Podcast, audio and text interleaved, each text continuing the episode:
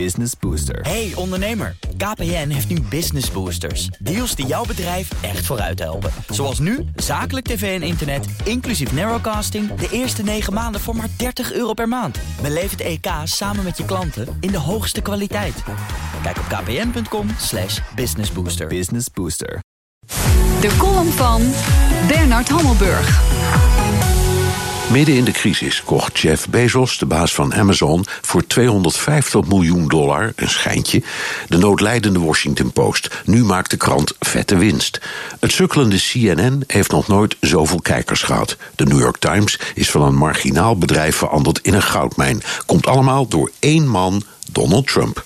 Trump is het gedroomde marketingconcept voor de door hem zo gehate mainstream media. Hij gaat in tweets en toespraken als een bezetene tekeer, vooral tegen CNN, de Washington Post en de New York Times. Hoe harder hij schreeuwt dat deze media bagger, nepnieuws, fictie en leugens verspreiden, hoe groter klaarblijkelijk de groep die bagger, nepnieuws, fictie en leugens met eigen ogen wil lezen of zien. Dean Beckett, hoofdredacteur van de New York Times, geeft het ruiterlijk toe: zijn krant draait dankzij die schreeuwende en tierende president als een trein. De Washington Post scoort geweldig met de lugubere onderkop: Democratie sterft in duisternis. Al beweert de redactie dat die al een jaar voor de verkiezing van Trump was bedacht. Ja, ja. Hoe dan ook, in de nieuwswereld is je grootste vijand zakelijk kennelijk je grootste vriend.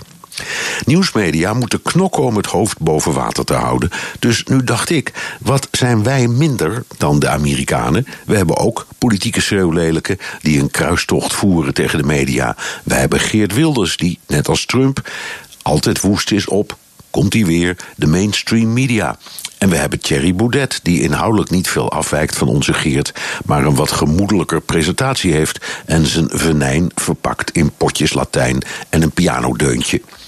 Nu is het verschil met Trump dat onze Geert en Thierry niets hebben in te brengen, behalve als pruttelende moppersmurfen langs de lijn.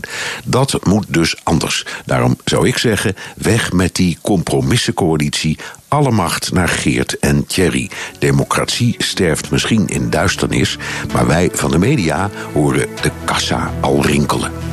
En dat is Bernard Hammelburg. Business Booster. Hey ondernemer, KPN heeft nu Business Boosters. Deals die jouw bedrijf echt vooruit helpen. Zoals nu, zakelijk tv en internet, inclusief narrowcasting... de eerste 9 maanden voor maar 30 euro per maand. Beleef het EK samen met je klanten in de hoogste kwaliteit. Kijk op kpn.com slash businessbooster. Business Booster.